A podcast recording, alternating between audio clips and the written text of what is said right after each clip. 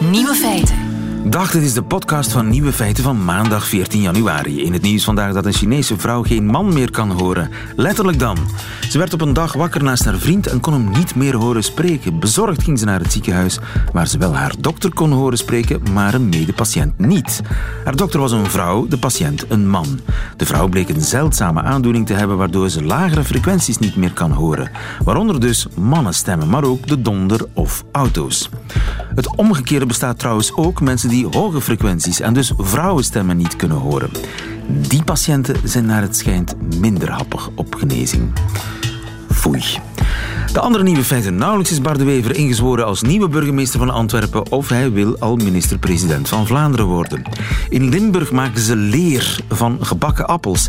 Ed Sheeran heeft weer een plagiaatklacht aan zijn broek en Alex Vizorek ziet overal gele hesjes. Nog steeds veel plezier. Nieuwe feiten. Bart de Wever is nog maar net opnieuw burgemeester van Antwerpen en longt al naar een nieuwe job. Als je vraagt aan de mens, Bart de Wever, wat hij het liefst doet, dan is dat burgemeester zijn. Maar er is ook zoiets als de plicht eh, van een politicus om, als het er echt op aankomt, te doen wat je moet doen. Bart de Wever wil minister-president van Vlaanderen worden. Mark van der Loverbos, goedemiddag. Goedemiddag. Onze wedstrijdwatcher, verrassing voor jou? Ja, je hoorde denk ik in het geluidsfragment de klokken hè, for whom the bell tolls. um, Ik denk dat het uur uh, was aangebroken. Ja, het uur is geslagen? Ja, een grote verrassing. Uh, N-VA slaagt er andermaal in, denk ik, om het hele politieke kaartenhuis compleet doorheen te schudden en wellicht alle andere concurrenten nu in de gordijnen te jagen. Want dit is werkelijk een aanzegging van jongens en meisjes, andere partij, let op, de reconquista van de N-VA is begonnen. Herinner u de PS, Elio Di Rupo, vorige zaterdag, sprak over zijn reconquista. En nu is het de N-VA met de grootste kanonnen die ze hebben, namelijk hun eigen partijvoorzitter. Als ik eh, de nieuwjaarsreceptie vorige zaterdag van dichtbij gezien heb, ja, Bart de Wever is daar God, hè. die heeft daar meer dan 5000 fans die hem op handen dragen. Wel, hij gaat nu het hoogste ambt dat hij kan ambiëren in Vlaanderen uh, proberen na te streven. Hij wordt Vlaams minister-president en dat is een heel duidelijke boodschap. Het zal hij worden en niemand anders en ook niet van een andere partij. Dat is het eerste dat ze nu in de etalage zetten en al de rest zit nu, denk ik, met de daver op het lijf. Dave Sinardij ook aan de telefoon. Dag meneer Sinardij. Goedemiddag. U bent uh, politicoloog. Was het ook voor jou zo'n grote verrassing dat Bart de Wever Antwerpen verlaat en naar Vlaanderen trekt? Ja, toch wel. Het is inderdaad niet echt iets dat ik meteen had, uh, had verwacht. Nu, achteraf kan je wel zeggen, er zit enige logica in uh, vanuit het standpunt van de NVA. Eerste logica is, zoals Mark ook al een beetje heeft gezegd, uh, ja, er moeten gewoon absoluut zoveel mogelijk stemmen worden gehaald. En dan zeker ook op het Vlaamse niveau. want als je op het Vlaamse niveau ervoor zorgt dat je min of meer incontournabele wordt in, in percentage, ja, dan ben je dat ook in de coalitievorming. Hè. Federaal kan men nog zeggen van, oké, we hebben niet per se een meerderheid in beide taalgroepen nodig. Hè, dus we zouden dan toch nog uh, een regering kunnen vormen zonder de NVA. Ja, op Vlaams niveau, als die NVA zeer goed scoort en er bijna niks anders meer mogelijk is, dan is er ook bijna niks anders meer mogelijk. Ja. En wat denk ik ook nog wel heeft meegespeeld, is uh, een vorm van intern compromis binnen de NVA. Het was toch duidelijk dat uh, Geert Bourgeois er niet echt stond om te springen om zijn, ja, zijn, zijn mandaat op te geven. president op te geven. dat lag toch allemaal wat moeilijk, terwijl ja, anderen hem toch wel eh, vriendelijk naar de uitgang verwezen. En ja, het is natuurlijk voor Geert Bourgeois veel minder moeilijk om uh, een stap opzij te zetten als de voorzitter hemzelf, hè, als die uiteindelijk zijn opvolger wil worden, dan wanneer dat, dat uh, ja, een, een, een, mindere god was geweest. Wat wel dus opvalt, is, is, is dat hij zich niet profileert als kandidaat premier van België. Nee, inderdaad. Uh, maar dat heeft dus voor een stuk volgens mij te maken met, uh, met het feit dat uh, de NVA de redenering heeft, heeft gevolgd dat het absoluut belangrijk is om vooral op het Vlaamse niveau zo sterk mogelijk te staan. Hè, om zeker daar niet in de oppositie te kunnen, te kunnen terechtkomen. Ja, en dat dan het, het Belgische niveau eigenlijk een beetje, een beetje secundair is. Hè. Ook omdat ze zich, ja, dat is toch ook een beetje hun Vlaams-nationalistische ziel lijken te hebben hervonden. Hè, na, zeker ook na het het uit, de, uit de federale regering stappen. Het confederalisme wordt ook terug boven gehaald. Dus, dus dat valt ergens ook in, in dat ideologische verhaal. het valt toch op, hè, Mark, dat hij geen premier wil worden? Ja, dat valt op. Ze hebben natuurlijk de vorige keer dat premierschap ook laten staan. Dat was een van de constructiefouten van die eerste Zweedse coalitie.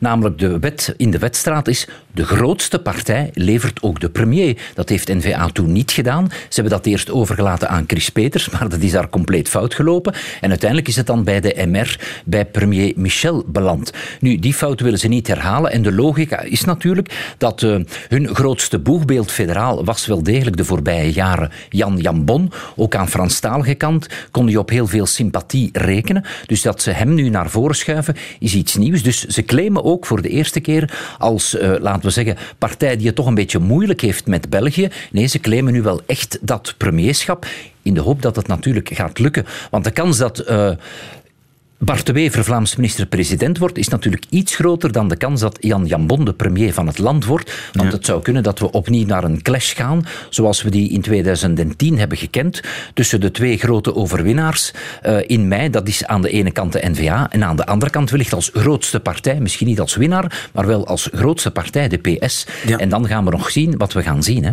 Zeg, en in Antwerpen, hoe voelen ze zich daar? Ik zou eh, proberen te zeggen, ik hoor het woord kiezersbedrog al komen. Want Bart de Wever heeft natuurlijk, ik weet niet uh, wat Dave Sina dit daarvan denkt, maar die heeft natuurlijk op zijn twee blote knietjes beloofd dat hij de volgende zes jaar in Antwerpen zou blijven. En ja, dat, dat is nu wel, denk ik, vooral de fans van Bart de Wever in Antwerpen toch wel een domper. Tegelijk wijst dat er misschien op dat die Bourgondische coalitie toch wel iets meer in petto heeft dan we zouden denken. Namelijk die coalitie tussen NVA, de liberalen en de socialisten. Ze hadden gevraagd om Bart de Wever meer verzoenend te zijn. Er was een deal gesloten, herinner u, dat de SPA daarop alludeerde. Wel, de deal is er nu. Bart de Wever vertrekt zelfs uit Antwerpen en laat nu het heft over, denk ik, aan iemand anders. Het klinkt dan, alsof die eh, deal, of dat het al eh, besproken is. Ja, er zal, er zal wel over gepraat zijn in ieder geval.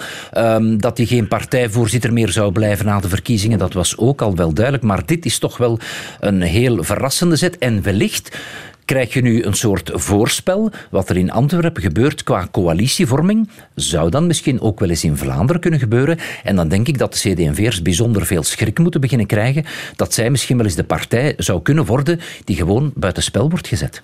Oei, dat is een, eh, een bouwde voorspelling. Eh, meneer Sinardij, wat vindt u van eh, het vertrek van Bart de Wever als burgemeester?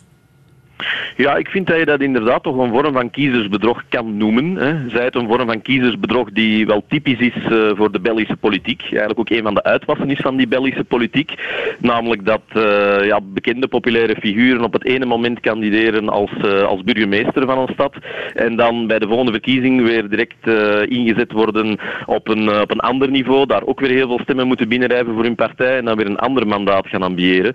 Paul Magnet heeft eigenlijk een beetje hetzelfde gedaan. Hè. Het kopstuk van de PS in 2012 uh, kandidaat burgemeester voor Charleroi.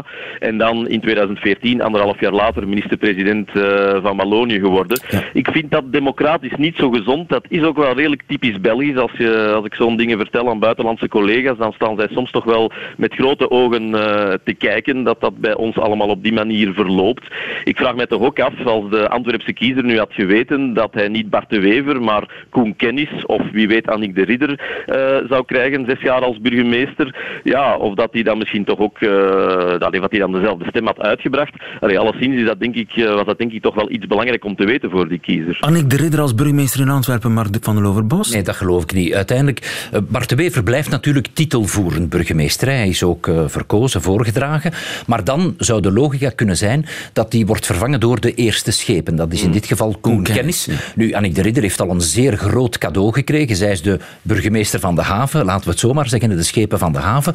Een zeer zware post. Nee, of Koen Kennis. En misschien, ik tip ook een klein beetje, mogen niet vergeten dat uh, de Vlaamse vice-minister-president Lisbeth Homans, uh, dat die de nummer één was ook in Antwerpen en ook in die Vlaamse regering. Ja, wat gaat die nu doen? Die zit ook in de Antwerpse gemeenteraad. Wellicht is daar een deel dat uh, Bart de Wever naar de Vlaamse regering gaat en dat in ruil Lisbeth Homans, burgemeester van Antwerpen. Ik sluit dat op het eerste gezicht allemaal niet uit. Er komen nog veel verrassingen, denk ik. Maar in ieder geval, het is alle hands aan dek voor de NVA. De big shots worden bovengehaald voor de verkiezingen in mei. Dankjewel heren, goedemiddag. Graag gedaan.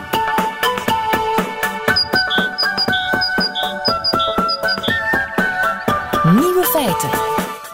Ja, wat lijken ze mooi en lief, hè, die koolmeesjes. Maar vergis u niet, onder dat prachtige verenkleed huist een ware hooligan, wat zeg ik, een moordenaar. En dat heeft ook te maken met de klimaatverandering. Jelmer, goedemiddag. Goedemiddag. Jelmer Samplonius, bioloog van de Universiteit van Groningen. Uh, jij hebt bijna tien jaar lang bijna duizend nestkastjes gemonitord in twee natuurgebieden. Heb ik me laten vertellen. Heb jij lijken in die kasten gevonden, Jelmer? Ja, dat klopt. Voor ons onderzoek in uh, het Dwingelde Veld en het Drents-Friese Wold doen we dus elke vijf dagen nestkastchecks uh, tijdens de lente. Om te kijken wat de vogels doen die in de nestkastjes broeden. En uh, af en toe als je zo'n nestkastje opent, dan vind je daar opeens een lijk in van een bonte vliegenvanger. En dat is bijna zonder uitzondering in de kast van de koolmees. Het is wel vreemd, want normaal gezien een koolmees eet geen andere vogels op, hè? Um, nee, normaal gesproken zijn koolmezen toch rupseneters. En uh, in de, alleen in de winter, als het heel schaars wordt, zie je ze af en toe wel uh, jagen op. Bijvoorbeeld, het is bekend dat ze op vleermuizen soms jagen. En ook wel op uh, andere kleinere vogels in die in kleine groepjes aan het forageren zijn. En wat is dan het motief om die bonte vliegenvanger te killen? Uh, de bonte vliegenvanger, wanneer hij terugkomt uit Afrika, dan gaat hij bij heel veel nestkastjes langs. Om te kijken waar de beste plek is om te broeden. En voor, de, voor de bonte vliegenvanger is het heel aantrekkelijk om in de buurt of in dezelfde, dezelfde kast als een koolmees te broeden. Omdat de koolmees het hele jaar op het broedgebied zit.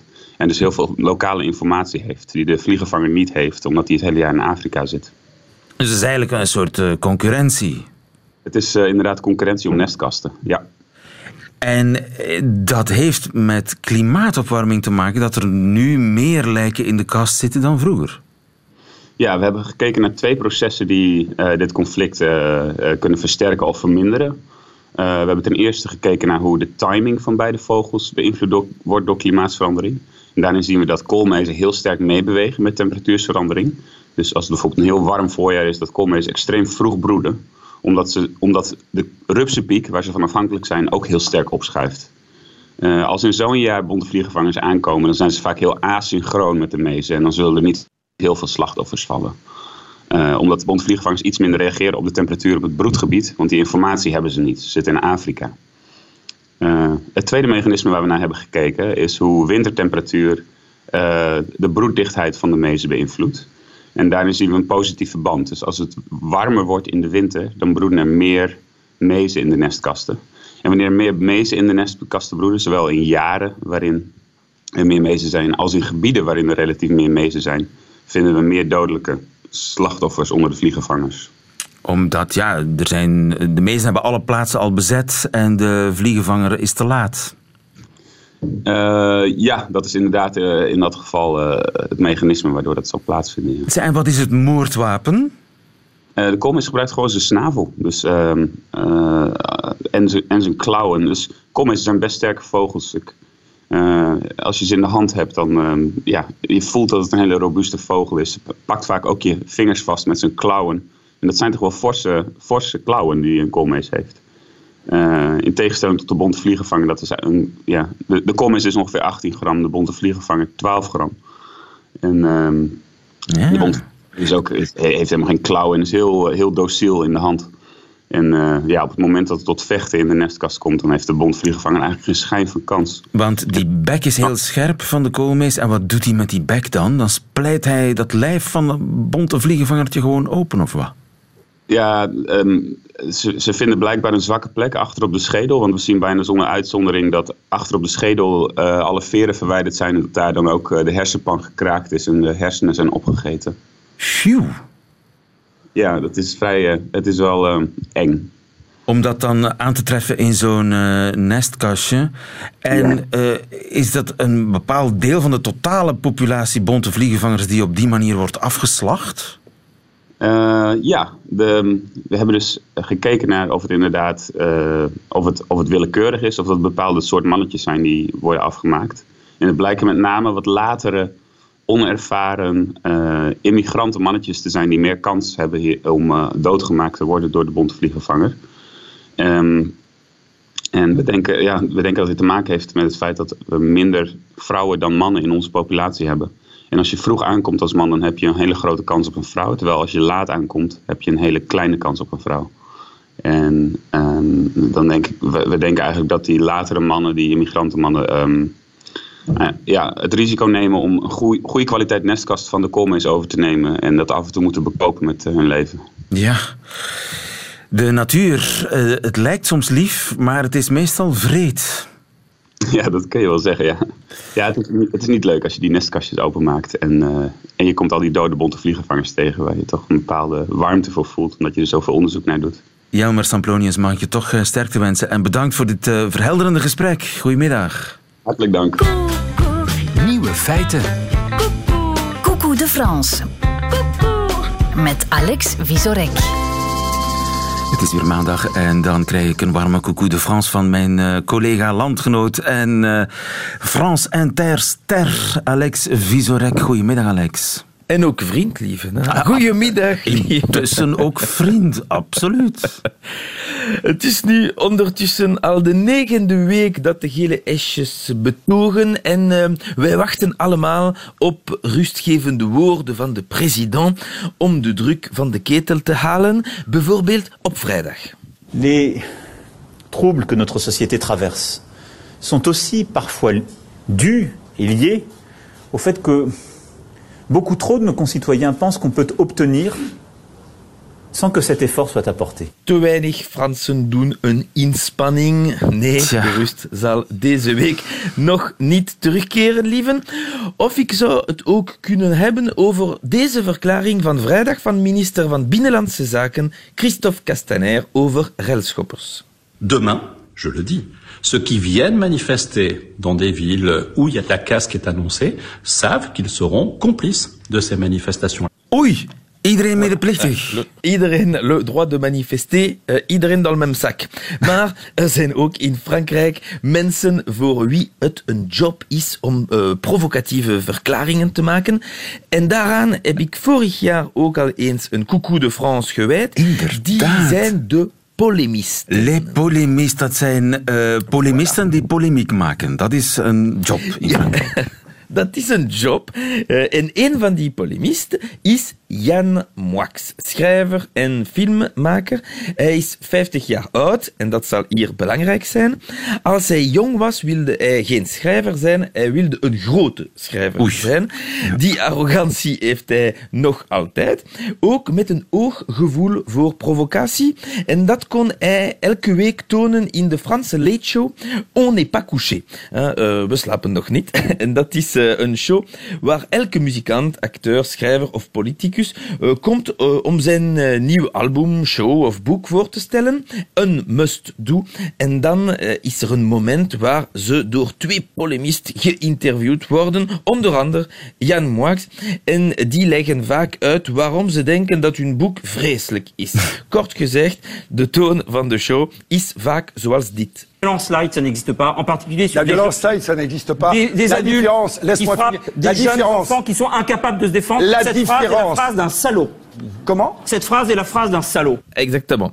Hij verwijt de persoon die geïnterviewd wordt een bepaald zin in zijn boek. Het zou een zin van een klootzak zijn.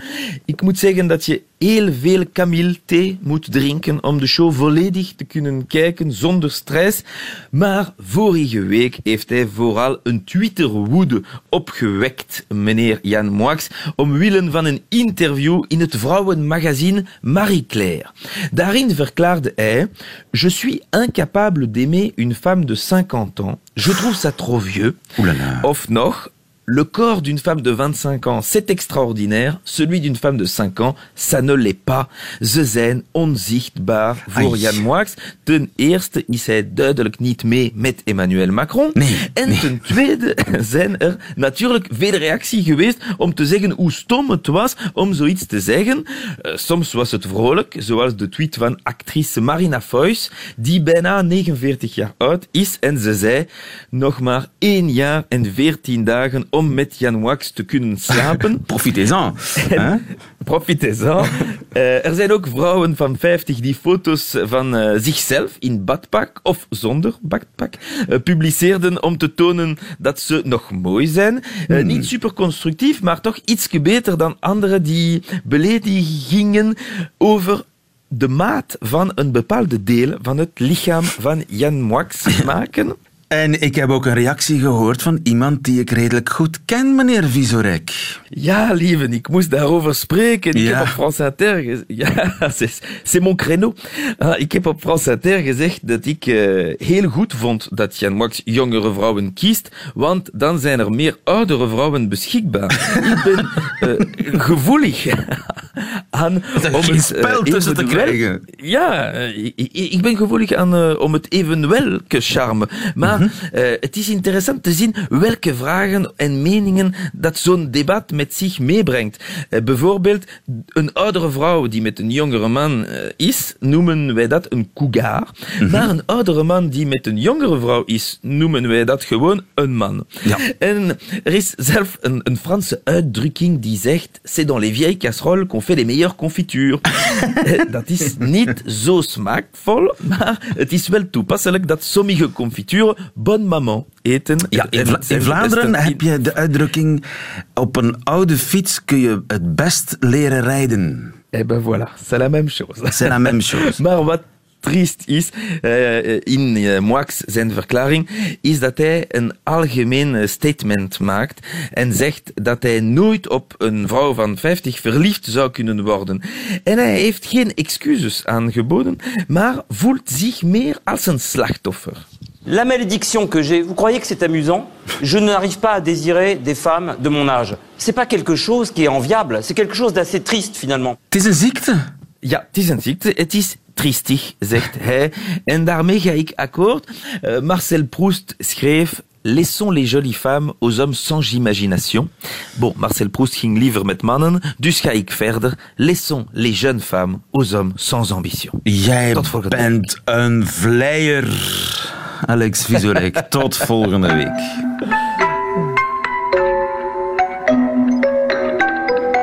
Nieuwe feiten. Ik zit hier even in mijn eh, glazen bol te kijken en daarin zie ik u een broeksriem van gebakken appel dragen. Evert van Echt, goedemiddag. Goedemiddag. Evert van Echt van de UCL, 100.000 euro heb jij gekregen van Joke Schouwvliegen om die riem te bakken. Hoe, hoe, hoe kom je daarbij? Eh, dat is een goede vraag. Eh, ten eerste, het is de hogeschool UCLL eh, trouwens. In Mijn Diepenbeek. excuses, Ehm, in Diepenbeek. Geen probleem. Mijn bazen gaan blij zijn dat ik dat even recht zet. Ehm, we hebben inderdaad 100.000 euro gekregen van het kabinet van Joke Schouwvliegen om aan de slag te gaan met appel- en peerafval, fruitafval eigenlijk. En om daarmee een biomateriaal te maken dat de concurrentie met dierlijk leer kan aangaan. Ja, en hoe laat of hoe vroeg was het toen je dat idee kreeg? In welk Ehm, café? Ja, inderdaad. Dat is een goede vraag. Het klinkt eh, misschien een beetje raar en vergezocht. Maar er zijn al enkele eh, gelijkaardige initiatieven in het buitenland. In Amerika, Brazilië, Italië en ook in Nederland zijn er al gelijkaardige initiatieven. Waarmee ze met eh, fruit en groenteafval eigenlijk aan de slag gaan om daar een biomateriaal van te maken. En het is afval dat je dan vervolgens bewerkt en bakt. Klopt, klopt. Dus we gaan met het afval aan de slag, ehm, dat veelvuldig aanwezig is in Vlaanderen. Appels en peren zijn de meest geproduceerde eh, fruitsoorten hier in Vlaanderen. Dus er is veel afval van, een 100.000 ton per jaar ongeveer. En daarmee gaan we aan de slag. Dus En is dat, is dat heel ingewikkeld? het, het procedé zelf om het te maken is vrij eenvoudig. Eh, de complexe materie zit in de additieven die we gaan toevoegen. Maar het proces zelf is gewoon het mixen van het afval tot een fijne pasta. Eh, nadien worden daar additieven aan toegevoegd, wordt het opgekookt voor de bacteriën eh, eruit te krijgen, omdat het soms rotafval is waarmee we starten of waarmee we werken. En additieven, dat klinkt een beetje griezelig. Dat, je gaat toch geen... eh, Ja, ja, dat klinkt dan heel chemisch en akelig eh, voor de buitenstaanders, maar eh, we gaan voor natuurlijke toevoegingen. Dus biologische materialen, omdat we ook willen dat ons materiaal uiteindelijk 100% biologisch afbreekbaar is. Dus dat het eigenlijk gewoon op de 100% compost biologisch afbreekbaar. En, en voelt, dat, en voelt dat dan, en is dat dan even sterk als leer? Dat is een goede vraag. Op dit moment hebben we een paar eerste testen gedaan met onze studenten, want het project begint eigenlijk nu pas deze maand officieel te lopen, dus we hebben nog twee jaar om het te ontwikkelen. Maar de eerste testen geven al een stevig materiaal weer. Het is nog niet zo sterk als dierlijk leer, wat een heel sterk materiaal is, maar uh, we kunnen er wel iets mee maken. En zou je dan ook jasjes en broeken en andere ehm, dingen kunnen maken van leer, van appelleer? Ja, dit is allemaal mogelijk. Um, op zich zijn er geen beperkingen. Een toepassing zoals schoenen ligt wel wat moeilijker, omdat lederen schoenen tijdens dat productieproces wordt het leer verhit en uh, uitgerokken. En dus het verhitten van ons materiaal zal moeilijk liggen. Dus dat is bijvoorbeeld een toepassing die moeilijker zal liggen. Maar uh, een riem of een handtas, dat zijn niet echt heel... Uh, Um, invasieve technieken die ze daarvoor gebruiken. Dus dat is inderdaad uh, een mogelijkheid. En we kunnen ook nog verder gaan. Ja. We focussen nu, of hebben onze focus gelegd in het begin op leer. Maar eigenlijk zijn er ook al vragen vanuit uh, bedrijven of we met hun afval ook niet aan de slag gaan om bijvoorbeeld bakjes van te maken, zodat zij een plastieke verpakkingsmateriaal kunnen vervangen door eigenlijk afval dat ze zelf produceren. Ja, ja, dus dat is ook iets waar ja, ik had onlangs iemand aan de lijn die, uh, hoe heet het, rietjes, drinkrietjes met maisafval gaat maken. Dus Ah, dat is eigenlijk een beetje in dezelfde, in dezelfde sector. Nu, leer heeft een specifieke geur. Gaan we eens in de auto zitten met leren zetels. Uh, is, Ruikt het een beetje naar appel? Uh, ja, het ruikt zeker naar appel of naar peer of welk fruit of groente je ook gebruikt. Ja, Alright, dus het ruikt nog lekker erbij. ja correct. Ja, dat klopt. Ik wil het uh, zien. Ik wil het uitproberen. Mag ik je heel veel uh, succes toewensen met je appelleer Evert van Necht van de UCLL in Diepenbeek. Goedemiddag. Ja. Nieuwe feiten. Ed Sheeran heeft het weer aan zijn been. Beschuldigd van plagiaat voor de zoveelste keer. Darling, I will be loving you till we're 70. Thinking Out Loud, megahit van Ed Sheeran. Ritmisch en melodisch zou dat te veel lijken op dit nummer van Marvin Gaye.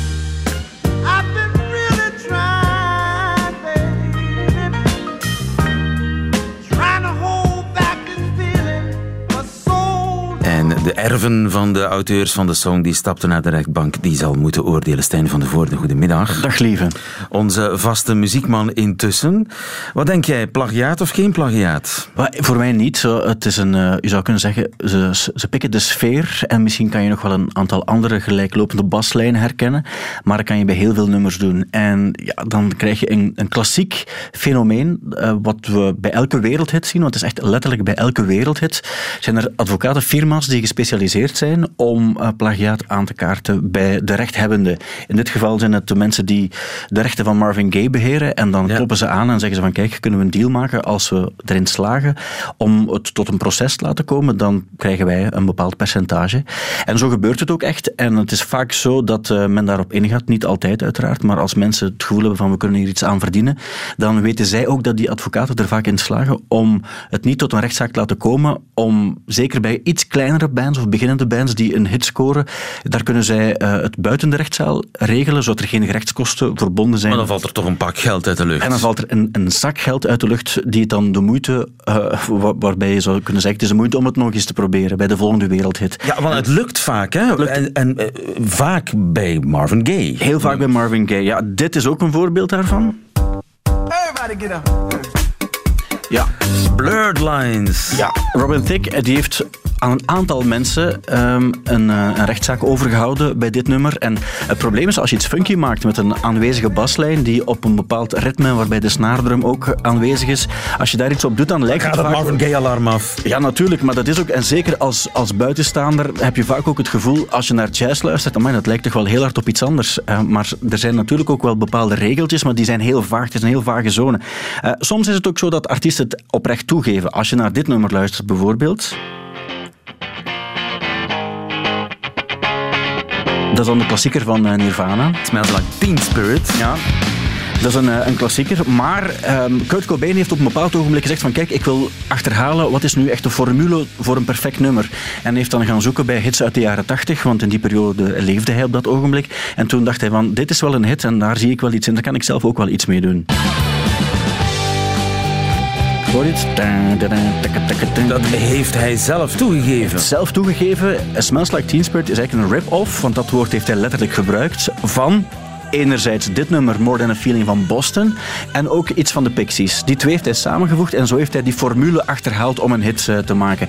En eh, ze hebben dat nog gedaan. Killing Joke hebben ze ook gepikt. Hebben ze ook een rechtszaak aan een broek gekregen. Kurt Cobain toch? Ja, Kurt Cobain heeft... eh, iedereen heeft het gedaan. De Beatles, daarbij zou, zou je kunnen zeggen, iedereen pikt van de Beatles. Maar de Beatles pikten ook van de allerbeste. Dat hoor je bijvoorbeeld ook in dit nummer.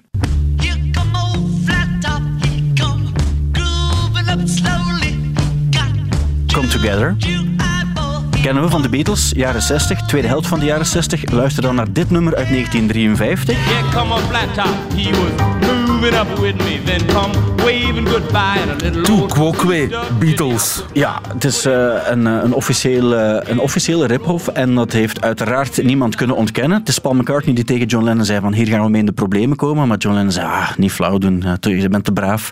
En wat is er dan gebeurd? Uiteindelijk in 1973, dus toen de Beatles al lang gesplit waren, heeft de, de man die eigenaar was van dit nummer van Chuck Berry, en want het origineel is van Chuck Berry, die heeft een, eh, een rechtszaak aangespannen tegen John Lennon. Heel veel gedoe geweest, heel veel advocaten zijn erbij gekomen. Uiteindelijk is het zo dat men tot een soort van akkoord is gekomen. En John Lennon was verplicht om dan een soloplaat op te nemen met heel veel covers. En drie covers, daarvan was die man die een rechtszaak tegen John Lennon heeft eh, aangespannen, was de eigenaar daarvan. En dit nummer was er bijvoorbeeld ook bij. Dus John Lennon heeft dit nummer moeten coveren in de jaren 70. Dat was een, een, afs- een regeling die ze... Dat was een regeling. Dat was dan in de minne heeft men dat op die manier kunnen regelen. En het is eigenlijk zo dat je als artiest zou je het, zoals de bluesartiesten en de jazzartiesten in de jaren 20 en 30 was het een soort van eerbetoon als je iets pikte van iemand. Toen vonden ze dat fantastisch. Nu er zoveel geld aan hangt, krijgt het een, een andere dimensie uiteraard. Maar zo was het vroeger. En nu mag het eigenlijk bijna niet meer. Je hebt nog wel bepaalde artiesten, zoals bijvoorbeeld Tom Petty, die hoorde op een bepaald ogenblik eh, Last Night van The Strokes, hoorde onmiddellijk dat het van hem gepikt was. De man heeft het ook onmiddellijk toegegeven en hij heeft gezegd van, ach, schattig. En heeft het zo gelaten. Maar het is als die advocaten, die externe bureaus en vooral erfgenamen enzovoort, als die erbij komen, dan is het om zeep en dan, dan, ja, dan gaat het artistieke verloren voor het, ehm, voor het geld dat ermee te verdienen valt. Eigenlijk is alles alles gedaan. Alles is ongeveer al is gedaan. Het is alleen ja, de volgorde van de akkoorden en de sfeer en de teksten. Als je daar dan mee gaat, mee gaat foefelen, dan valt het soms iets te veel op. Dus je moet, iedereen pikt. Iedereen heeft ooit gepikt. Iedereen heeft het ook toegegeven dat ze ooit gepikt. Niemand is origineel, maar je moet het slim proberen spelen. En dan lukt het nog wel. Dankjewel, Stijn van der Voorde. Graag gedaan. En dan nog dit laatste nieuwe feit. Het wereldrecord likes op Instagram. Dat is gesneuveld. De megapopulaire Amerikaanse internetpersoonlijkheid Kylie Jenner is geklopt door een ei. Kylie Jenner is al bijna een jaar recordhouder op Instagram met een foto van haar dochtertje. Met meer dan 18 miljoen likes. Maar nu is er een ei met meer dan 26 miljoen likes. At World Record Egg is één thema, een één thema-account. Laten we samen een wereldrecord halen en de meest gelikte post op Instagram worden, staat er in de bio. En nu is er maar één post te vinden, een foto van een doodgewoon bruin ei. De bedenkers van de recordpoging willen anoniem blijven. Ze willen alleen kwijt dat het ei gelegd is door Henrietta, een kip van het Britse platteland die haar ei Eugene heeft gedoopt. Over naar het middagjournaal. Deze week in handen van moderne rederijker Stijn de Papen. Nieuwe feiten. Middagjournaal. Hosanna, we zitten in lopende zaken. Dit land is een bouwwerf, een weiland van werven, van kraters en putten vol smurrie en smeer, van tuigen en kranen die het uitzicht bederven. En ieder die meebouwt is pas in de leer, vergist zich, maakt vlekken, spilt olie en teer, waardoor ze voorlopig niet klaar zullen raken. Dit land is een bouwwerf, maar zonder bouwheer. Hosanna, we zitten in lopende zaken. Men zag de regeringen barre dood sterven vanwege discussies omtrent gemigreer. Ineens lag een spatloze spiegel aan scherven en was er warempel geen meerderheid meer, om nog maar te zwijgen in zaken de sfeer. Er wachten ministers nog nopende taken, pensioenen, migratie, belasting, verkeer. Hosanna, we zitten in lopende zaken. Beziet toch de puinhoop die opvolgers erven, dat hele Europa verkeert in zwaar weer. Wij zitten met griffels op leien te kerven. We lopen gekleed in het vel van de beer, geveld met een uitgeleend speelgoedgeweer. De brexit bedreigt ons, asielcrisis naken, het bed is kramakkelig, straks springt de veer. Hosanna, we zitten in lopende zaken. Verkiezingen komen, het wordt zwalpen en zwerven, beloftes, balansen die opgaan en neer, een troep doe het zelvers die het roest oververven, debiele debatten, gesnoef en gesneer, waaraan ik alsnog heel der uren spendeer met bonzende polsen en blozende kaken. Wie weet dat ik toch iets te missen riskeer. Hosanna, we zitten in lopende zaken. Bewindslui, herpakt u, een kwestie van eer. Wij kiezers zijn allen wanhopende snaken. Wij wensen geen onzin verkopende draken met slijtende slogans als slopende haken. Bezieling en kunde is wat ik begeer. Hosanna en nooit meer in lopende zaken.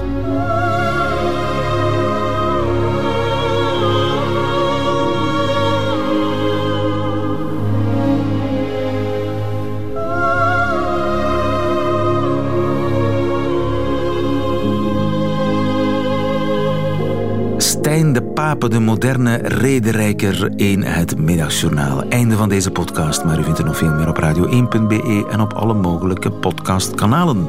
Tot volgende keer.